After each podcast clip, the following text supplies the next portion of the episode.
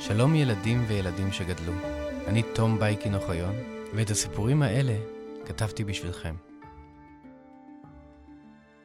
על גבי סוסים אדירים עם מנהיגה אמיצה, נצא למלחמה עתיקה. ההגדה שלנו היום תיקח אותנו אל עיר קדומה בשם תדמור. שמעתם עליה פעם?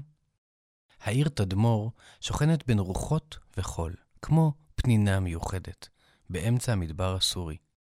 בימים ההם לא הייתה קיימת עדיין מדינה בשם סוריה, אלא רק מדבר, ובמרכזו העיר תדמור. עיר שכולם רצו להגיע אליה. היו שם שווקים מלאים בתכשיטים יפים, בדים טובים וסחורות משובחות שעברו מהמזרח למערב וממערב למזרח. פסלים גדולים של אריות עמדו בשערי העיר, ובתוכה הייתה טיילת רחבה מוקפת בעמודים גבוהים שגרמו לכולם לרצות לטייל בה. על סוס או ברגל. מי הייתה המנהיגה שחיה לפני 1,800 שנים? שמה היה זנוביה. ואתם? מוכנים לעלות על הסוס?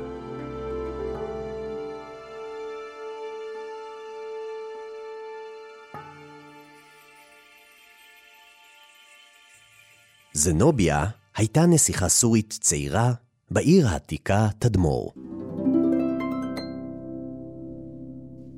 היא נולדה למשפחת אצולה אשורית מכובדת מצאצאי מלכת שבא המפורסמת.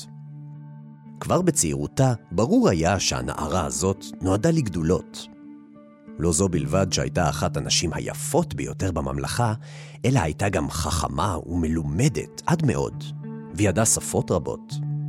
היא הייתה אפילו מיומנת ברכיבה ובציד, פעולות שהיו שמורות בימים ההם בעיקר לגברים.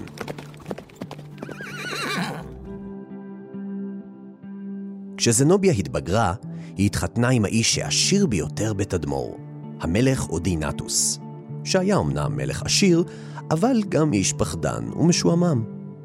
באותה תקופה, ממלכת תדמור, כמו רוב אירופה והמזרח התיכון, הייתה בשליטתה של האימפריה הרומית. לפעמים היה נחמד להיות חלק מהאימפריה הרומית, מכיוון שבתמורה למיסים ששילמו לה, היא סיפקה לכל נתיניה הגנה מפולשים, וגם חירות לקיים מסחר ודת חופשיים.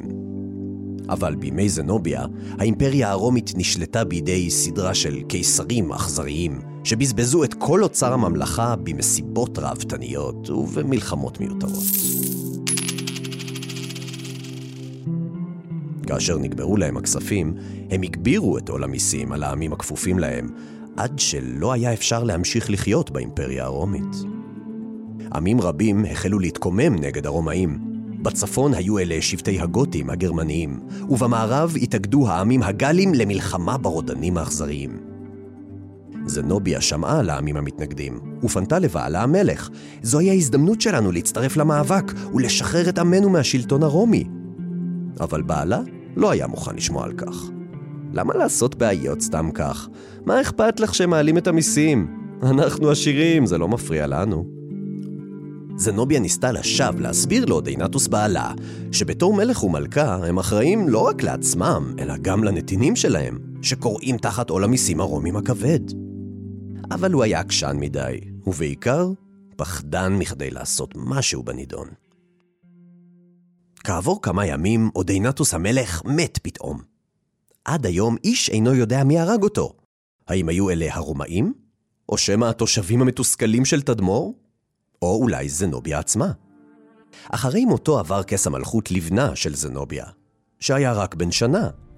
מובן שתינוק בן שנה לא יכול לשלוט על ממלכה, ולכן זנוביה עצמה היא שנטלה את השלטון. מיד עם קבלת השלטון, זנוביה הכריזה על מרד באימפריה הרומית, ויצאה למלחמה, מנהיגה בעצמה את צבאותיה.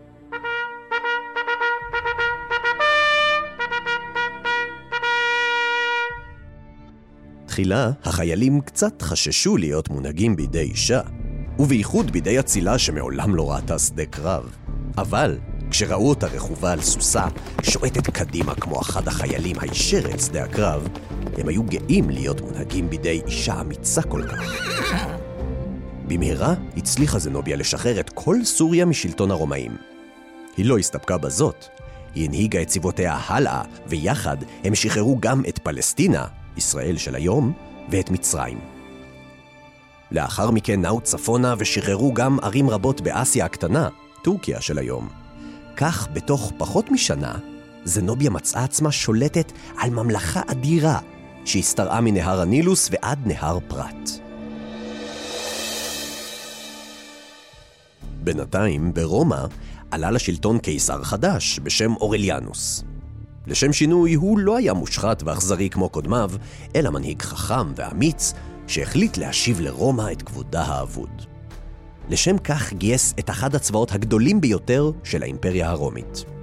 הוא כבש בחזרה את אדמות הממלכה מהגלים ומהגותים, ולאחר מכן נע מזרחה לכבוש בחזרה את האדמות שהיו שייכות לממלכת אדמו"ר. זנוביה הייתה אומנם מנהיגה אמיצה, אך צבאה לא יכול היה לעמוד בפני הליגיונרים הרומאים. אט אט, אורליאנוס הצליח לכבוש בחזרה את אדמותיה של זנוביה. תחילה גירש את צבאה מאסיה הקטנה, ולבסוף, לאחר קרבות רבים שבהם חייליה של זנוביה לחמו בעוז, הצליח להכניע אותם גם בסוריה, ולכבוש בחזרה את העיר תדמור. כשתם הקרב, אורליאנוס קרא למפקדי הצבא המורד להביא לפניו את המנהיג האמיץ שהעז למרוד באימפריה הרומית. מה רבה הייתה הפתעתו, כשבמקום לראות מנהיג מבוגר, ניצבה לפניו אישה צעירה ויפהפייה. הוא ציווה לכלוא אותה בשלשלאות זהב ולהביא אותה איתו לרומא הבירה. ברומא הייתה מסורת עתיקת יומין, שכאשר קיסר שב לעיר כמנצח, מקיימים לכבודו מצעד ניצחון גדול. כל תושבי העיר היו נאספים בכניסה לעיר ומקבלים את פניו בכל תרועה ושמחה. מכיוון שזמן רב חלף מאז שהיה מצעד ניצחון ברומא, המצעד הזה היה גדול ומכובד במיוחד. גולת הכותרת של המצעד הייתה המלכה זנוביה. היא הובלה על בימה מיוחדת, כלואה בשלשלאות זהב, שנצצו בשמש כמו תכשיטים יקרים. בדרך כלל הקהל הרומאי היה צועק קריאות גנאי כלפי המורדים השבויים, ולעיתים אפילו קורא להוציאם להורג. אבל כאשר ראו את זנוביה היפה, ניצבת גאה בראש מורם, הם לא קראו למותה, אלא במקום זאת קראו אליה הצעות נישואים. כך בילתה זנוביה את שארית חייה, יחד עם בנה, בווילה גדולה בפאתי רומא. היא זכתה לכבוד של אצילים, הוזמנה לכל האירועים הגדולים, וערכה בביתה את האישים החשובים ביותר של רומא, שבאו להתייעץ איתה בעניינים שונים, אפילו באסטרטגיות לחימה.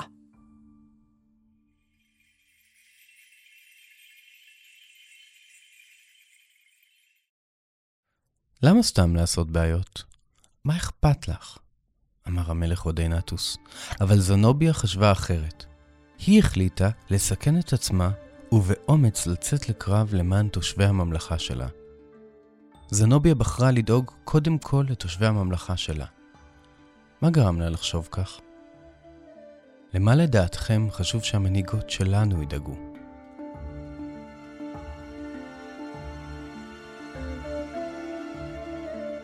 מלבד האגדה הזו, עוד אגדות אחרות שהיו באמת תוכלו למצוא בפודקאסט שלנו, אגדות אמיתיות.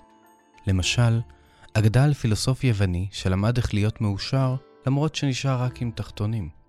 או על ממציא שבסוף המציא גם את עצמו. אם אהבתם את האגדות שלנו ונשארתם עם טעם של עוד, אתם מוזמנים להיכנס לאתר של הוצאת פנק ולרכוש לכם עותק של הספר הראשון של אגדות אמיתיות.